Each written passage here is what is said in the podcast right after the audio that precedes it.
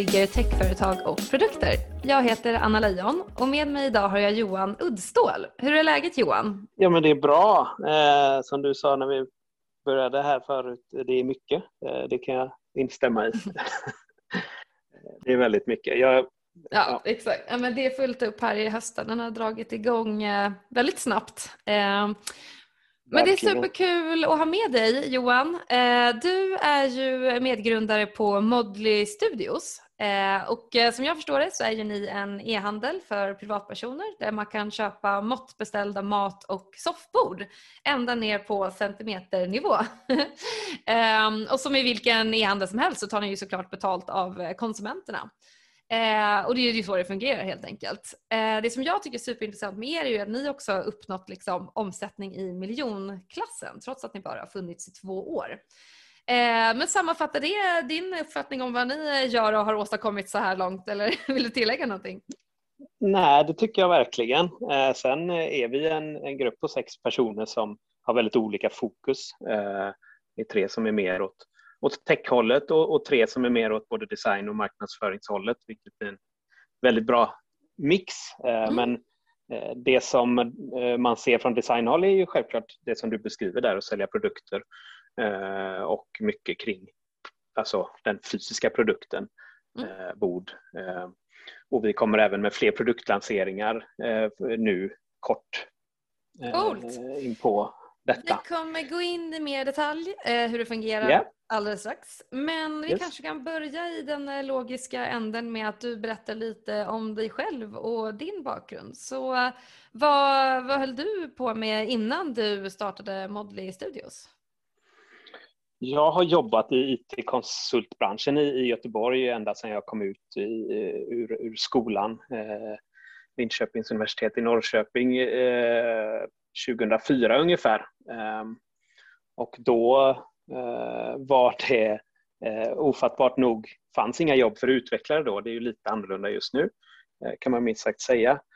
Ehm, så att då, så jag, då eh, startade jag ett litet projekt för mig själv då, men, men, och det kan vi säkert prata mer om sen. Men, men eh, generellt så har jag jobbat i IT-konsultbranschen eh, och även varit på byråsidan. Jag sökte mig ganska snabbt, tyckte det var rätt så tråkigt att vara IT-konsult eh, sökte mig snabbt till reklambyråsidan så jag har jobbat mycket närmare ja, men designkompetens, UX, service design, business design är, är sånt som jag saknade väldigt mycket som, som IT-konsult och då sökte jag mig snabbt till, till byråbranschen där jag var i ganska många år.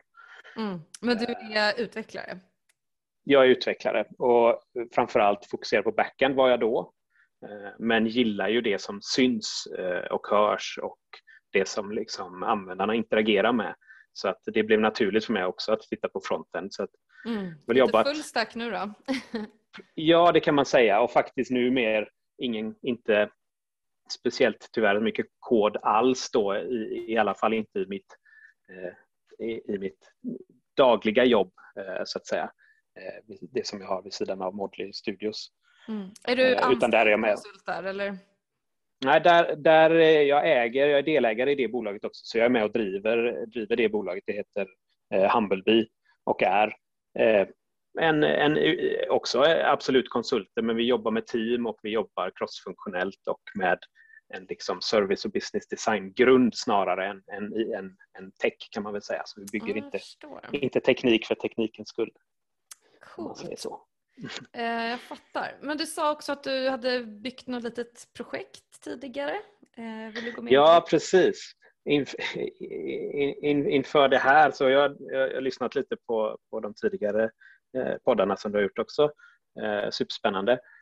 Men då fick jag chans att reflektera lite över vad, vad som har hänt tidigare och eh, en rolig grej som jag kom på då, för när vi kom ut 2004 så fanns det noll jobb.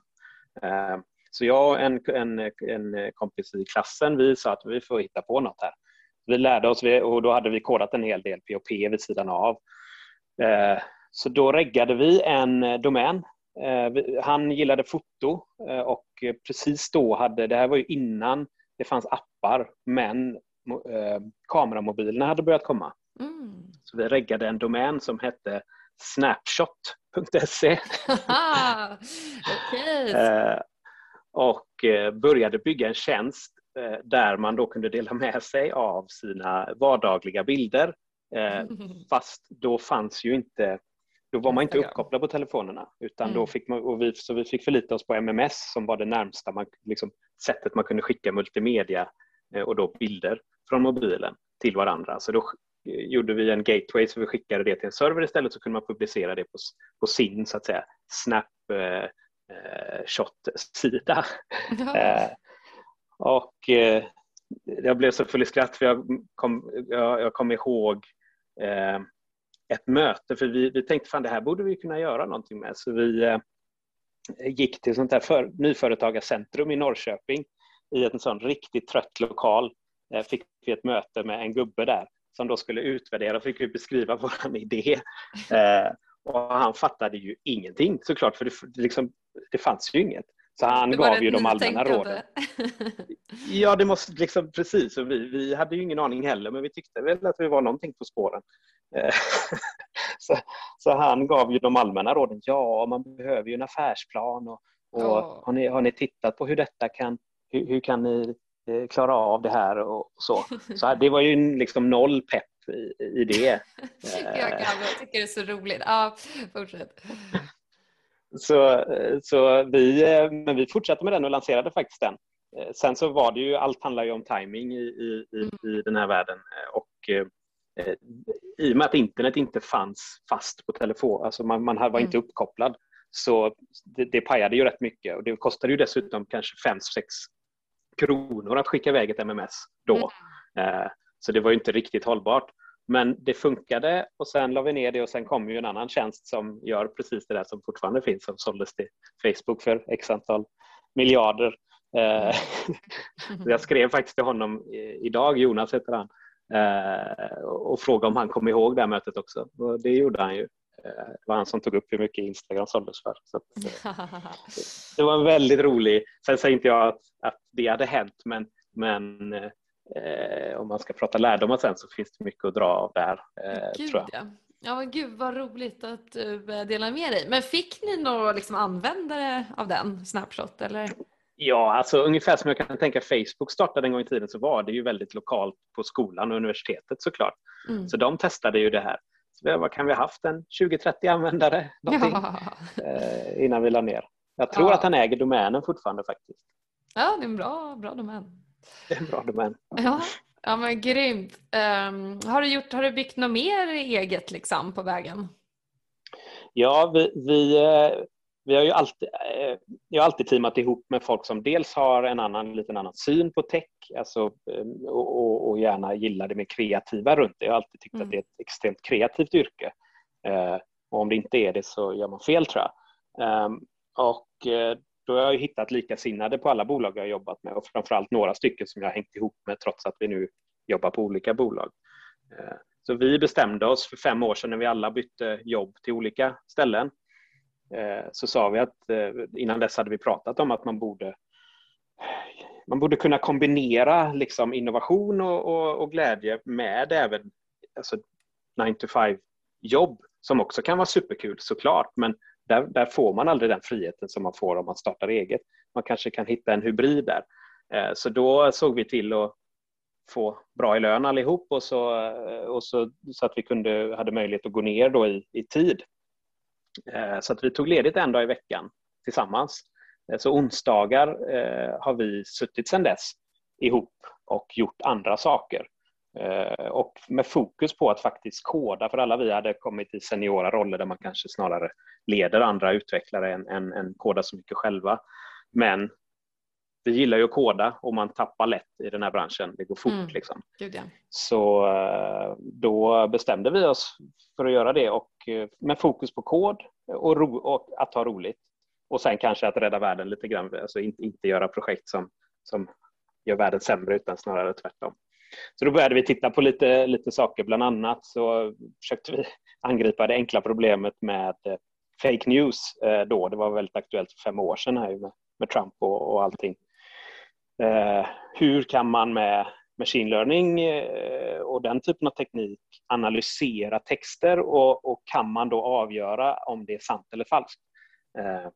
Det insåg vi ju rätt snabbt att man inte kan eftersom mm. allting är en grå, gråzon eller en gråskala.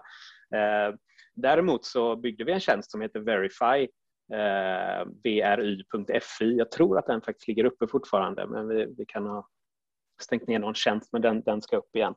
Eh, där man då skickar in en länk till en nyhetsartikel till exempel. Eh, och så analyseras den, plockas, det plockas ut nyckelord och baserat på de nyckelorden så hittar systemet då andra artiklar från andra nyhetskällor som handlar om samma sak.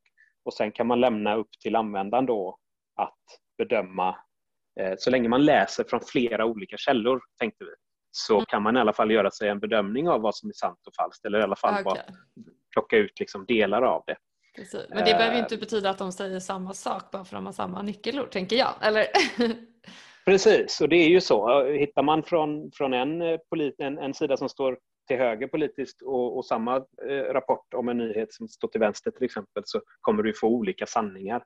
Mm. Eh, och sen kan man ge det upp till till användaren. Så det där lanserade vi och det var faktiskt lite lärare och sånt som hörde av sig som tyckte att det där var en superlösning för just för källkritik och så. så just det.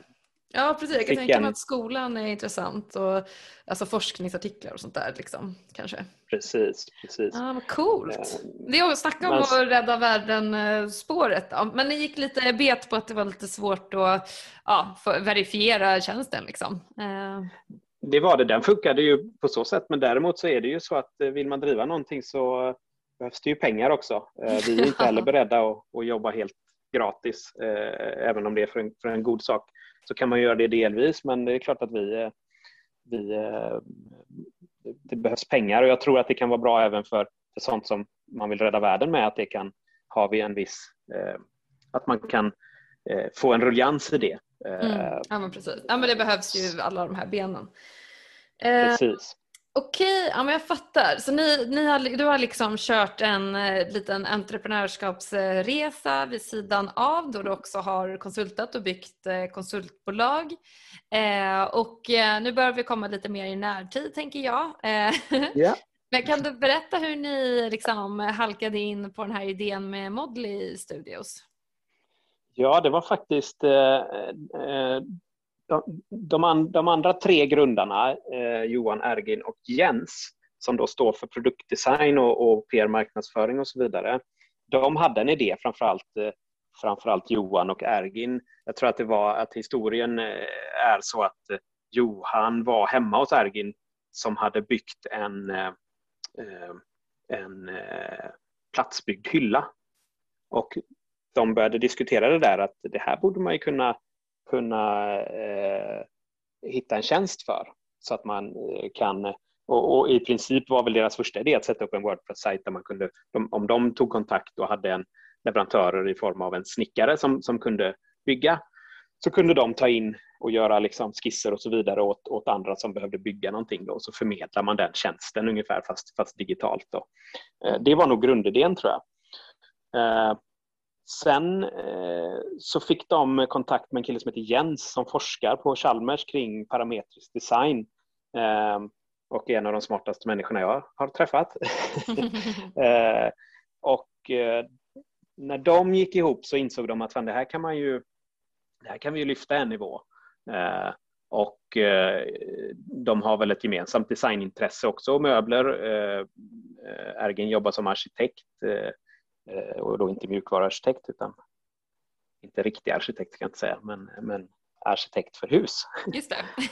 Eh, de finns också. Och, de finns också, det är det som är så sjukt. Eh, så de teamade ihop och insåg att vi kanske ska börja med någonting. Och då verkade bord vara en enkel produkt. Fyra ben och en skiva att också parametrisera. Då. Så att de, det tog de vidare, men ingen av dem har ju teknisk eh, kunskap på så sätt. Så att de insåg att okej, okay, det här behöver vi hjälp med. Och då kontaktade de, eh, egentligen ovetande om att, om att jag och den andra killen, Andreas, eh, känner varandra, så tog de kontakt via LinkedIn till eh, båda oss och frågade om, om vi kunde tänka oss att ta en CTO roll eh, på, på bolaget. Eh, och med tanke då om, om, att den här personen också skulle kunna bygga plattformen. Så. Mm. Så vi, och då hörde jag mig till, till Andreas och det är då en av killarna som jag har suttit ihop med de senaste fem åren på onsdagar just då, så det är vi som har, har gjort det här tillsammans, tillsammans med en till kille som heter Andreas för att komplicera det ytterligare. Så vi bestämde, vi sa att men vi kan gå ihop, vi kan kanske lösa det tillsammans. Så vi bokade möte med dem och träffades inne i Göteborg på ett café. Och så, fick de, så drog de sin pitch eh, och vi förklarade vilka vi var. Och eh, vi insåg att det här, det här är nog en bra, bra match. Och så tog vi det därifrån. Eh, så att då bestämde vi oss, vi tre då, jag, Andreas och Andreas som hade suttit ihop i, i fem år här på onsdagar och gjort lite Rädda Världen-projekt bestämde oss att vi lägger vår tid nu på, vi satsar på det här. Mm. Eh, då mot att vi fick eh, delägarskap i, i bolaget. Eh, och eh, så Vad gör vi något riktigt bra av detta. Vad som lockade mest när de presenterade den här idén? Var det så möjligheten att tjäna pengar på det? Eller liksom var det att så här, det finns ett sug från konsumentsidan, en ny nisch som man kan skapa liksom mitt emellan IKEA och platsbygge? Eller mm, liksom, mm. Vad, var det som, vad var det som var mest eh, intressant för er del? Nej, men, eh, precis där, att, att, att få vara med på en resa där man faktiskt kan förändra en bransch, eh, är, det är ju svårt att liksom tacka nej till. Och jag har ju sett eh, eh jag ser ju hur man kan göra, att man kan göra det med teknik nu. Med, med, med rätt folk runt omkring sig så, så, så finns ju den möjligheten. Det är, det, det är därför jag håller på med, med programmering och, och, och, och teknik, för att det finns de möjligheterna. Så det är det som driver mig eh, i de delarna. Och, och även liksom att kunna bygga med cloud och så vidare nu där det finns oändliga möjligheter att skala. Eh, det är ju liksom, det är, häft, det är sjukt häftigt att kunna sitta som utvecklare och ha, ha liksom vid sina fingerspetsar möjligheten att skala ut till hela världen och, och obegränsat med antal användare. Mm. Eh, och det har ju faktiskt eh, clouden möjliggjort nu. Det gick ju inte förut. Du var ju tvungen att lägga miljarder i, i serverkostnader för, för att lösa det. Och nu kan man göra det eh, på mm. prenumeration så att säga och betala för det man använder bara. Eh, så att bygga plattformar, jag är inte superintresserad av, av eh, eh, möbler så design. Jag tycker det, det, är kul. Men att, att bygga en plattform för, för skräddarsydda möbler, kanske till och med ett e, helt ekosystem för det mm. Eh, och förändra hela möbelbranschen som ju är väldigt trött eh, just nu mm. Eh, är ju ja, det är svårt att säga nej till det. Liksom. Ja, fattar. Ja. Uh, men verkligen. Um, men skulle du kunna beskriva, okej okay, så ni, ni liksom sätter er ner nu de här två CTO-erna uh, och ni ska tekniskt ta fram en första version. Uh, kan du beskriva mm. liksom vad för funktionalitet den innehöll och hur ni byggde den, liksom, den allra första versionen av den här plattformen? Ja, men absolut. Eh, som du identifierade själv där, eh, i, i centrum står ju en visualisering på något sätt eftersom vi ändå ska få kunder att lägga mellan 10 och 20 000 på att köpa någonting de aldrig har tagit i eller sett på från ett varumärke de aldrig har talas om. Det är en, det är en stor utmaning. Så att vi insåg ju att ja, en webbshop kan man ju bygga men det kommer inte hända jättemycket och vi kommer, det, det kommer inte ge superhögt förtroende. Så fokuset var eh, att försöka bygga visualiseringen och det var där vi insåg att, att det kommer ta mycket tid. Vi hade, vi, hade, vi hade ganska lite kunskap om 3D innan vi gick in i det här mm. eh, eh, initiativet. Alltså, att, alltså, den stora liksom, tekniska utmaningen och det unika i er liksom, plattform, det är den här 3D-visualiseringen skulle du säga? Eller? Ja, absolut. Mm. Eh, absolut. Och där har ju tekniken och utvecklingen, om man pratar timing så har ju den hjälpt till här nu eftersom datorerna och även, även eh, telefonerna eh, är så pass kraftfulla nu så att 3D, liksom, realtids 3D funkar så pass bra på webben så att det här är möjligt. Mm. Jag tror Bo.com på 90-talet försökte ju ungefär samma sak och visualisera kläder.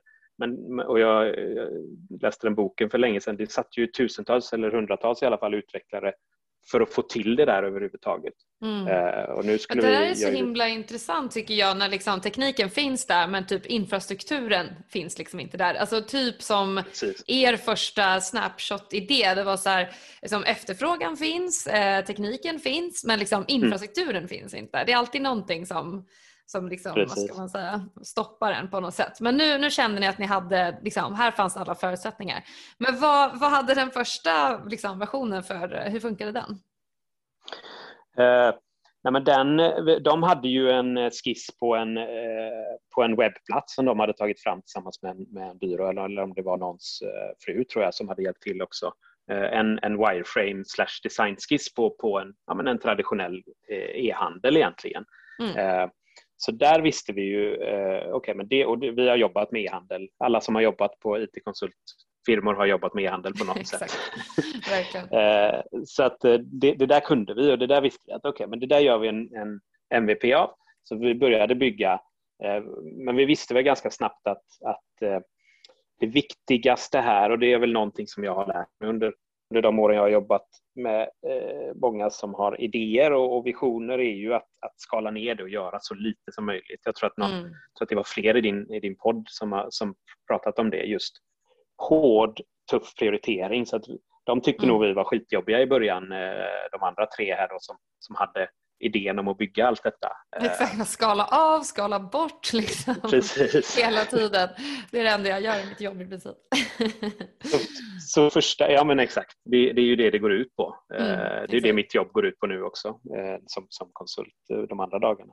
Men, men egentligen så ser jag, skulle nog säga att första versionen såg inte superannorlunda ut utan vi har itererat framförallt i användarvänligheten på vi vill ju att användaren ska ta sig till den här konfiguratorn. Det är där de ska vara, leka runt, känna på, på reglagen, välja färger och så vidare. Så mycket jobb.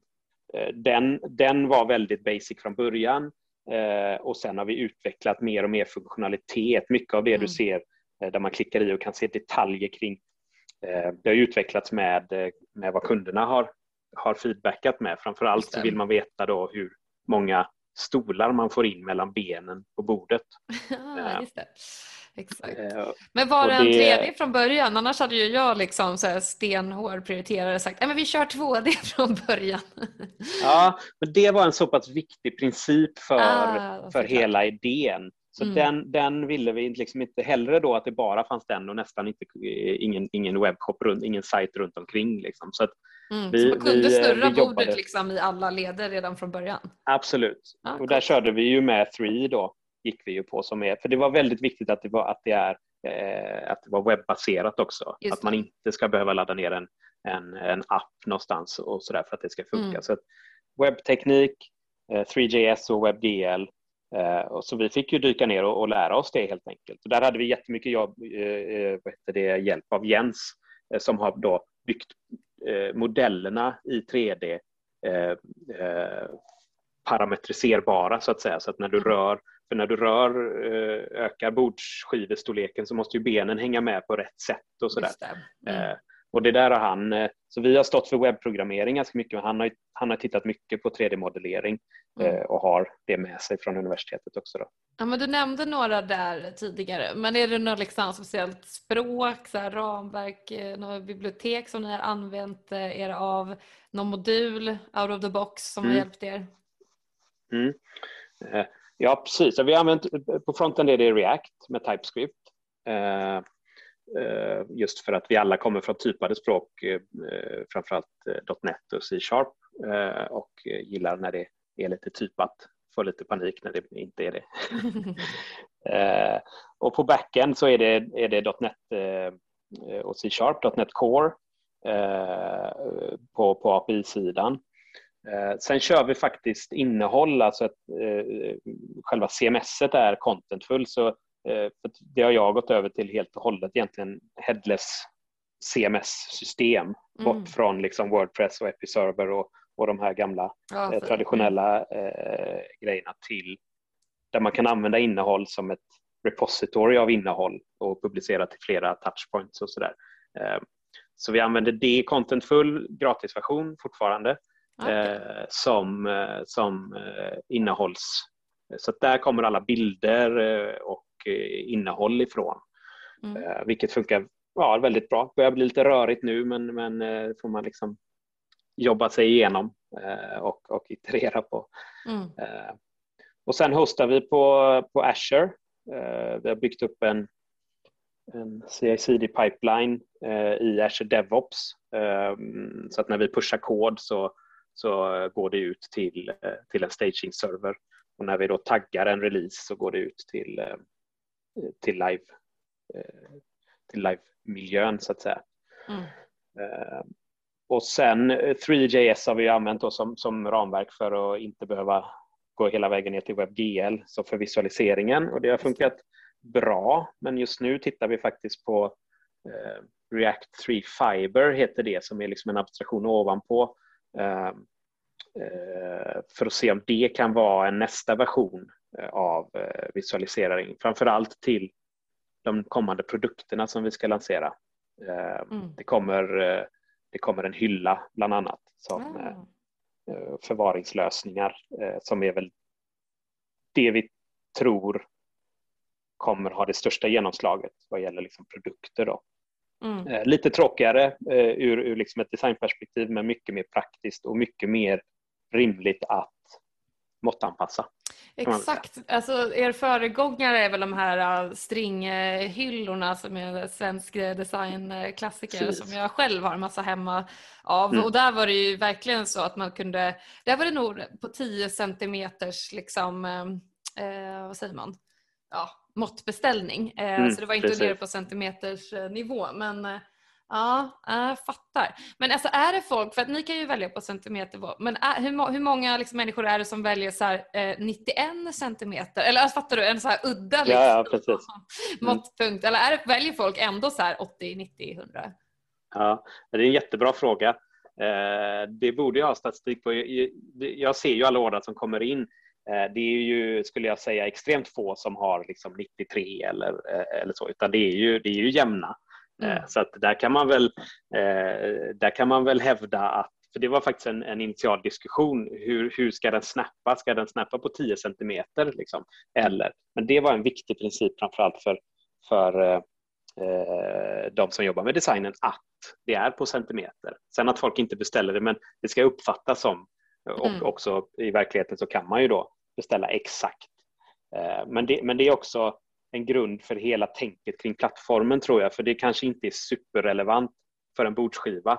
Men ska du ha in en, en, en hylla mm. i, ett, i ett utrymme hemma så kommer det vara på centimetern. Så mm. det är en liten förberedelse för, för nästa steg kan man säga och då, då byggde vi in det redan från början. Mm, vi, vi, visste, de, eh, vi har, vi har vetat att, att, att det kommer andra typer av produkter hela tiden. Däremot är bord relativt lätta att producera. Vi hade en producent också som kunde, som kunde göra det och som är van att bygga den typen av möbler.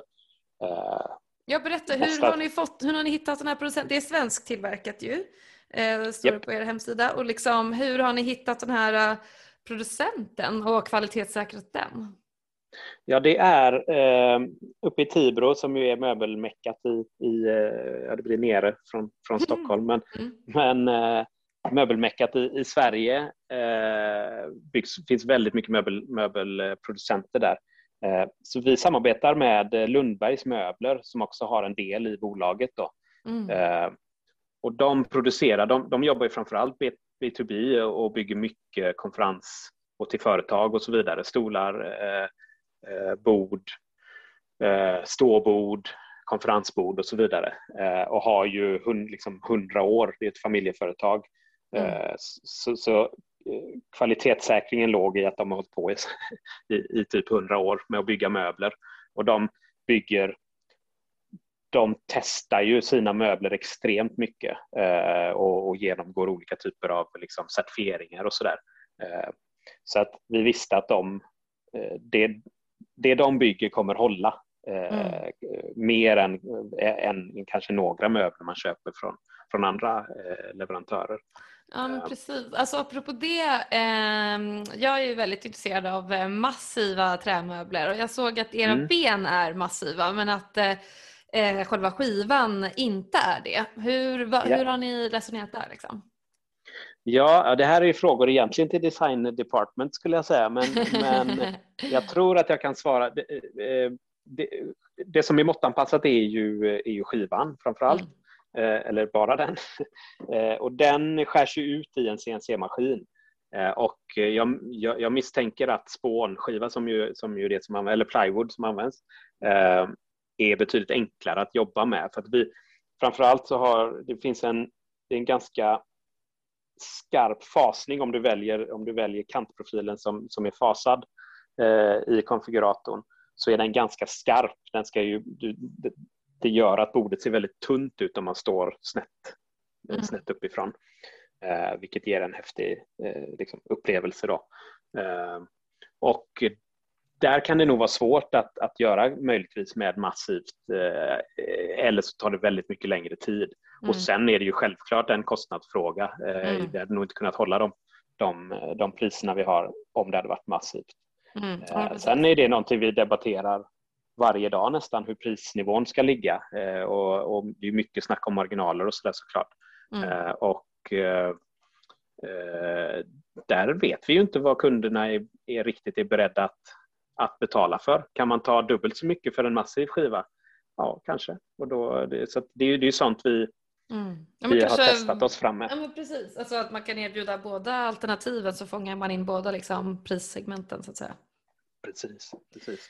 Ja, Spännande. Shit vad ballt. Eh, och som jag sa i inledningen, ni har ju omsatt liksom nästan en miljon kronor förra året eh, och ni har ju bara funnits i två år.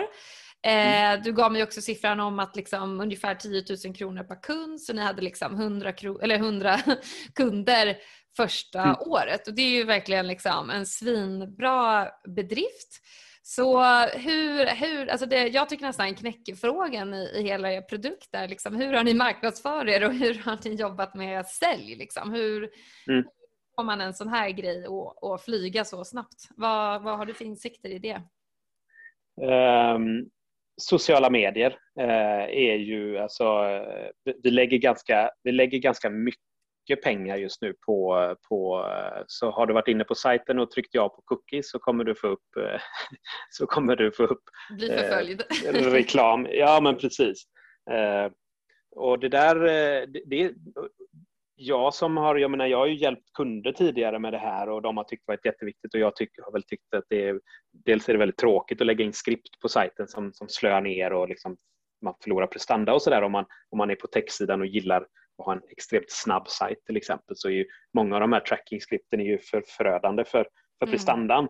Eh, tyvärr och jag vet att väldigt många utvecklare hatar GTM där, där liksom eh, Google Tag Manager. Mar- ja precis, där marketers kan kan göra vad de vill med koden eh, och liksom injicera saker. Men är det framförallt Google eller använder ni Facebook också? Eller? Ja, vi, kör, eh, vi kör eh, faktiskt Pinterest har visat sig vara väldigt bra. Ah. För Men det är väl internationellt? Eller för ni säljer bara i Sverige? Eller? Ja, just nu då. Så, så det är klart att det finns planer på, vi behöver ju vi behöver pengar men sen så är, finns planer på att expandera, framförallt kanske i första hand till Tyskland då, där, där marknaden är väldigt mycket större än i Sverige. Sverige är ju en pytte... Mm. Det, är, det, är, svårt att driva ett sånt här bolag i Sverige såklart. Mm. Det är en mm. alldeles för liten marknad egentligen. Men en bra uh, testmarknad som man brukar säga. Men en extremt bra testmarknad. Vi är ju väldigt design, designintresserade och uh. tror jag testar gärna nya saker. Men berätta hur det eh, funkar Men med marknads... Pinterest. Jag har inte använt dem själv personligen nämligen. Uh, det funkar ungefär på samma sätt. Du sätter en Pinterest-pixel eh, på mm. sajten eh, och sen så du köper också, du skapar ett Pinterest-konto för Modly Studios, alltså ett, ett företagskonto. Och sen så lägger man ju upp bilder. Vi har ju, vi har ju vi har haft mycket samarbeten med influencers också och mm. inredare eh, som har varit superbra att liksom jobba med och har lagt ner väldigt mycket extra tid för vår skull så det, det, får vi betala igen någon gång. Eh, vi har just nu betalt i bord eh, lite grann. Men, eh, men eh, sånt hjälper ju till, speciellt för målgruppen. Då. Det, är ju, det är ju kvinnor framförallt som, som, som eh, tar beslut om just den här mm. typen av produkter. Eh, och de finns ju på Pinterest, Instagram ehm,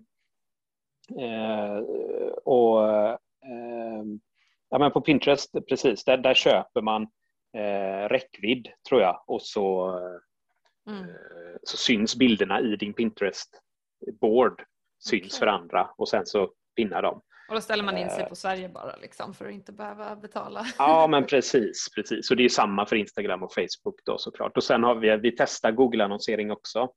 Uh, Med AdWords väl... eller banners eller båda? Ja, AdWords framför allt och köp, köper vissa ord och sådär. Mm. Uh, Johan som, är, som har gått in som VD nu, han, det är han, framförallt han som jobbar med det här och han har jobbat då på Spoon bland annat innan eh, i en byrå i Göteborg som jobbar med den typen av digital marknadsföring. Mm. Eh, och har jättemycket insikt kring det. Så han har ju, det är ju guld, han har ju stenkoll på, på de grejerna. Så det är väl, alltså se till att ha med någon som har koll på det där. Jag hade absolut ingen, framförallt insikt i hur väl det funkar. Det är nästan lite läskigt. Mm. Men ni har bara implementerat, eller du har ju bara implementerat pixlarna så att säga. Liksom. Men... Ja, sen har jag även eh, kodat in, eh, så jag har behövt sätta mig in en hel del i, i hur trackingen funkar och, och, för att man, man vill ju tracka flödet genom sajten, hur många går från mm. konfiguratorn till att gå till Klarnas checkout till att faktiskt göra ett köp. Eh, mm. Så man trackar ju hela resor så att säga. Mm, just det. Alltså, en, gör en funnel och ser var de droppar av liksom. Och så kan Precis, man targeta det... baserat på det. Och, eller? Exakt, mm. exakt. Mm. Och det krävs ju lite handpåläggning i, i koden för att göra det på ett bra sätt. Eh, så det har jag försökt att hitta hur man kan optimera och hur man kan låta andra plattformar kanske återanvända de skript som man eller de events som man fångar upp. Och där är ju Google Tag Manager väldigt bra om man använder det på rätt sätt. Mm, ja, men på varje liksom, knapp och och så. Ja. Eller, mm, ja, jag ser fram emot att bli förföljd. Jag har ju varit inne och testat er konfigurator nu. Får vi se vad jag, vad jag förföljs av för eh, intressanta ja. eh, annonser. Exakt. Ja men fan vad coolt alltså. Jag kan ju eh, säga en annan spännande teknik som, vi, som, som jag har velat experimentera med länge det är ju eh, AR.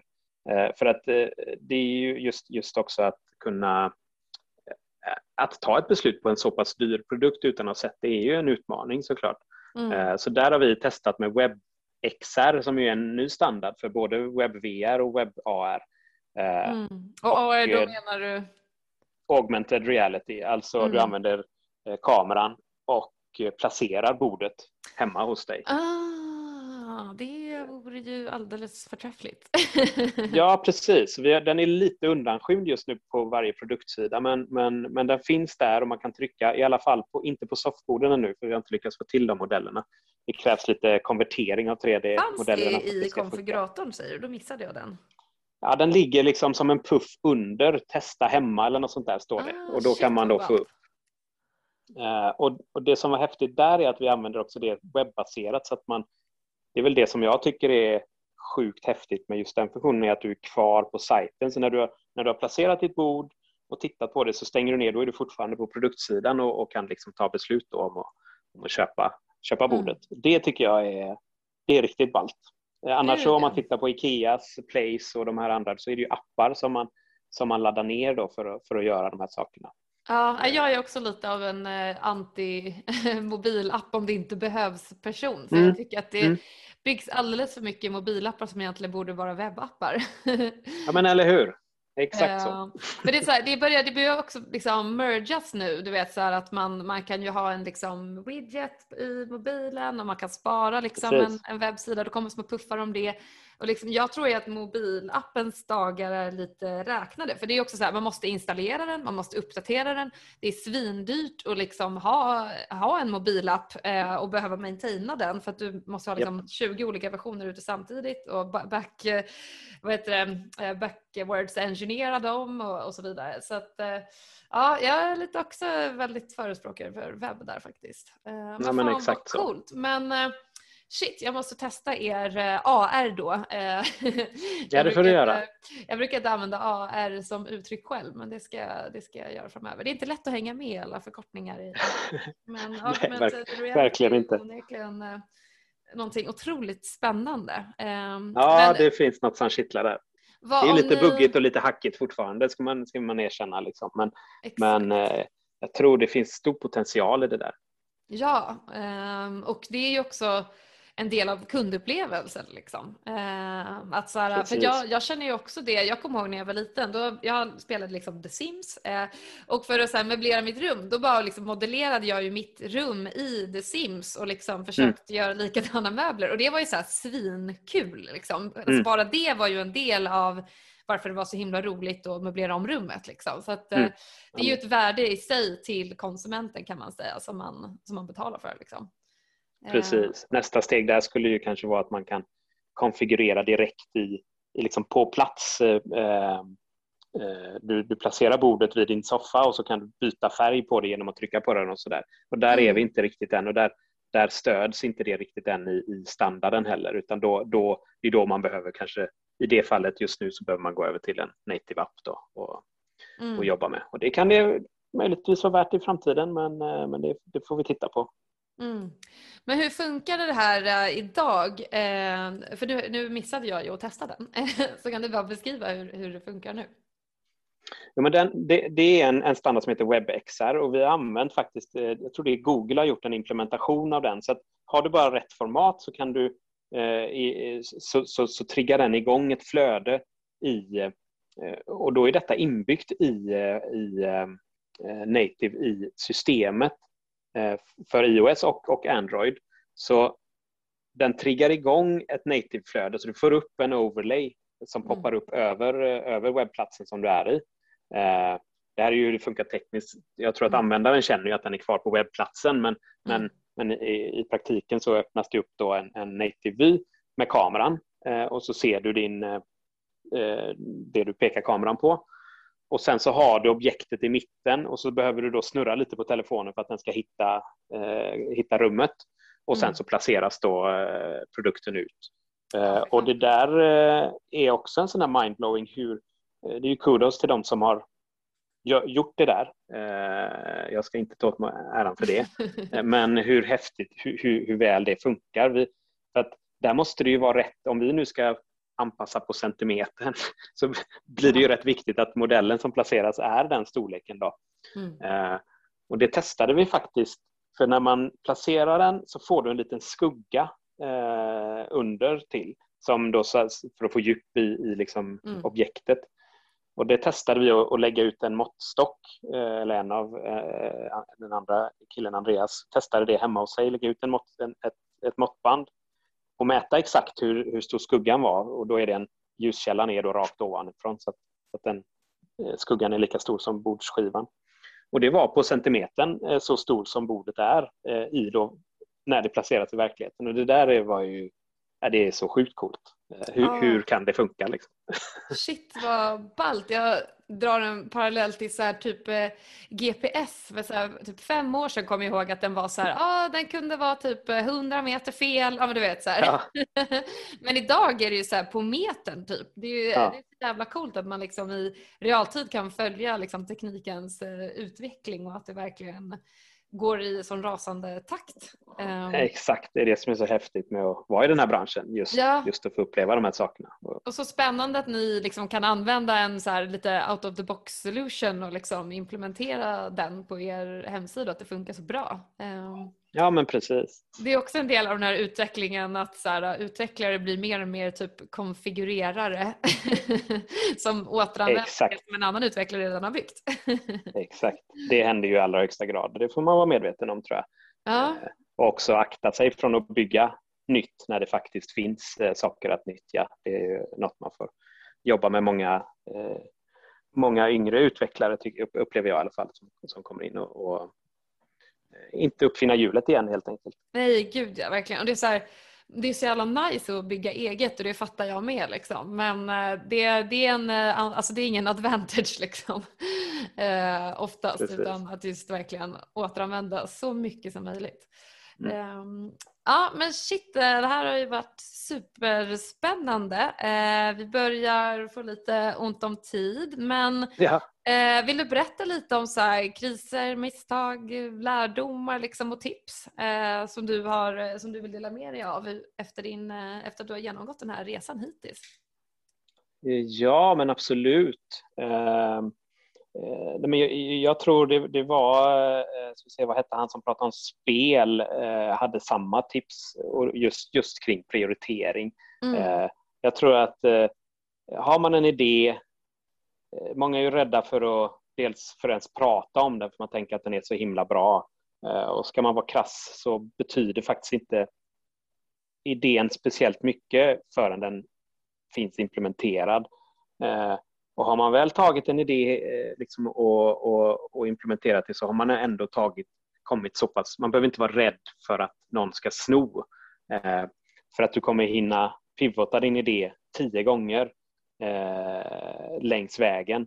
Så att eh, kör igång och bara gör saker. Det tänker jag eh, är någonting som jag har fått med mig. Eh, och det gäller stora bolag, liksom multinationella bolag som små startups som precis har kommit igång. Eh, att bara göra saker eh, och sen prioritera hårt. Eh, för folk, alltså, eh, speciellt om man teamar upp med någon som kanske har en, som är lite mer visionär då, så är ju risken att man fastnar i implementationsstadiet tills man har den perfekta produkten enligt en själv och så släpper man den och så blir det oftast bara ett tomrum. liksom ingen som, eh, och då kan man lätt tänka att det var ingen som brydde sig men det är för att du inte har jobbat med marknadsföring eh, och så vidare kanske. Exakt. Så att eh, är man inte, ja, det, var, det, finns väl någon sån klyscha men om man inte om man inte skäms över den första lanseringen man gör så har man lanserat för sent. Exakt. Ut, ut med skiten. ja, det, helt det är viktigt. Men på det spåret, har du, har du liksom påträffat några kriser själv och några misstag som du liksom in hindsight eh, såg en bättre lösning på men inte där och då? Eh, som du kan dela med dig av? Um, bra fråga. Har du byggt in um, dig kanske i någonting? Ja, eh, men absolut. Um, kan inte komma på något riktigt nu så på rak arm, men, men, men det är klart att man har byggt eh, blivit lite för kär i sina egna lösningar. Det är ju en, det är en viktig del, att, alltså också en klyscha, men kill your darlings. Mm. Det tror jag många utvecklare brottas med och det har jag också gjort. Att man, man bygger in sig, man bygger en funktion, man kanske har suttit i flera veckor med någonting och så till slut så löste man det och tyckte att shit vad bra. Och sen så kommer beställaren eller kunden eller eh, man själv på att det här var ju inte det vi behövde. Eh, och det är ju jättejobbigt, eh, är det. Så att, eh, men att hela tiden ha med sig det. Jag, jag var på en, en jättekonstig föreläsning för många år sedan som hette Optimize Code for Deletion tror jag. Det var en snubbe som satte sig på en, på en stol på scenen och pratade om hur, man, hur han förstör kod, hur han, hur han inte hade med sig något.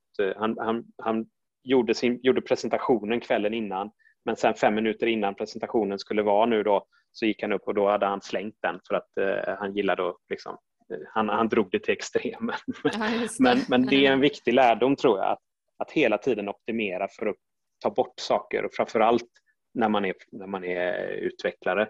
Eh, att, att aldrig bli för kär utan ha med, ha med sig att det är ett iterativt arbete. Det är därför man, man, man finns till så att säga och, och ska mm. koda. Eh, och det, det är ganska det är en ganska hemsk tillvaro om man, om man väljer att se det på det sättet. Och, eh, men, men det kan också vara fantastiskt för det öppnar ju upp eh, det blir ju oändliga möjligheter samtidigt. Så att man får lära sig och det tror jag att man får lära sig att handskas med. Mm. Eh. Ja, men det är liksom jobbig realisation men nödvändig sådan så att säga. Precis, precis. Ja, ja men shit, coolt! Eh, och du har ju också bjudit lite på nya features och liksom visionen framåt och sådär. Liksom. Men eh, vill du prata mer? Vi hörde ju om hyll, hyllor som är på gång. Eh, mm. Kanske lite mer eh, augmented reality-satsning framöver. Eh, vill du utveckla? Absolut. Eh, just vad gäller augmented reality, det, ehm, den som bordet som man placerar nu på produktsidan, det, är ett fast bord, det har ett fast mått och så vidare och representerar egentligen inte det du har konfigurerat fram och det gör lite ont i, i själen, eh, tycker jag. Så att, eh, det, det är någonting vi har tittat på, så det är inte omöjligt att, att det kommer. Det går att lösa, men vi har inte lyckats lösa realtidskonverteringen för på iOS så behöver man ett speciellt format såklart, ett Apple-format mm, för att kunna göra detta. Eh, och det behöver man då realtidskonvertera för varje gång man konfigurerar, eh, konfigurerar någonting. Eh, så det har vi inte riktigt löst, eh, men det har, vi, det, har vi, det har vi pillat lite på. Eh, och sen kommer det ju eh, absolut mer produkter. Det kommer en till. Eh, innan hyllan kommer det komma en till som ligger väldigt nära bord som man ofta har tillsammans med bord. Stor! Så jag har inte sagt exakt vad det är. Nej, vi ska inte spoila någon beans här. Ja, men fan vad kul! Nej, precis. Mm, så det, det, vi kommer behöva förbereda sajten för att bli det finns ingen kundkorg idag till exempel. Det är ett aktivt val vi har gjort. För man, mm. vi, vi, eh, så du kan just nu inte köpa två bord sam, vid samma köp.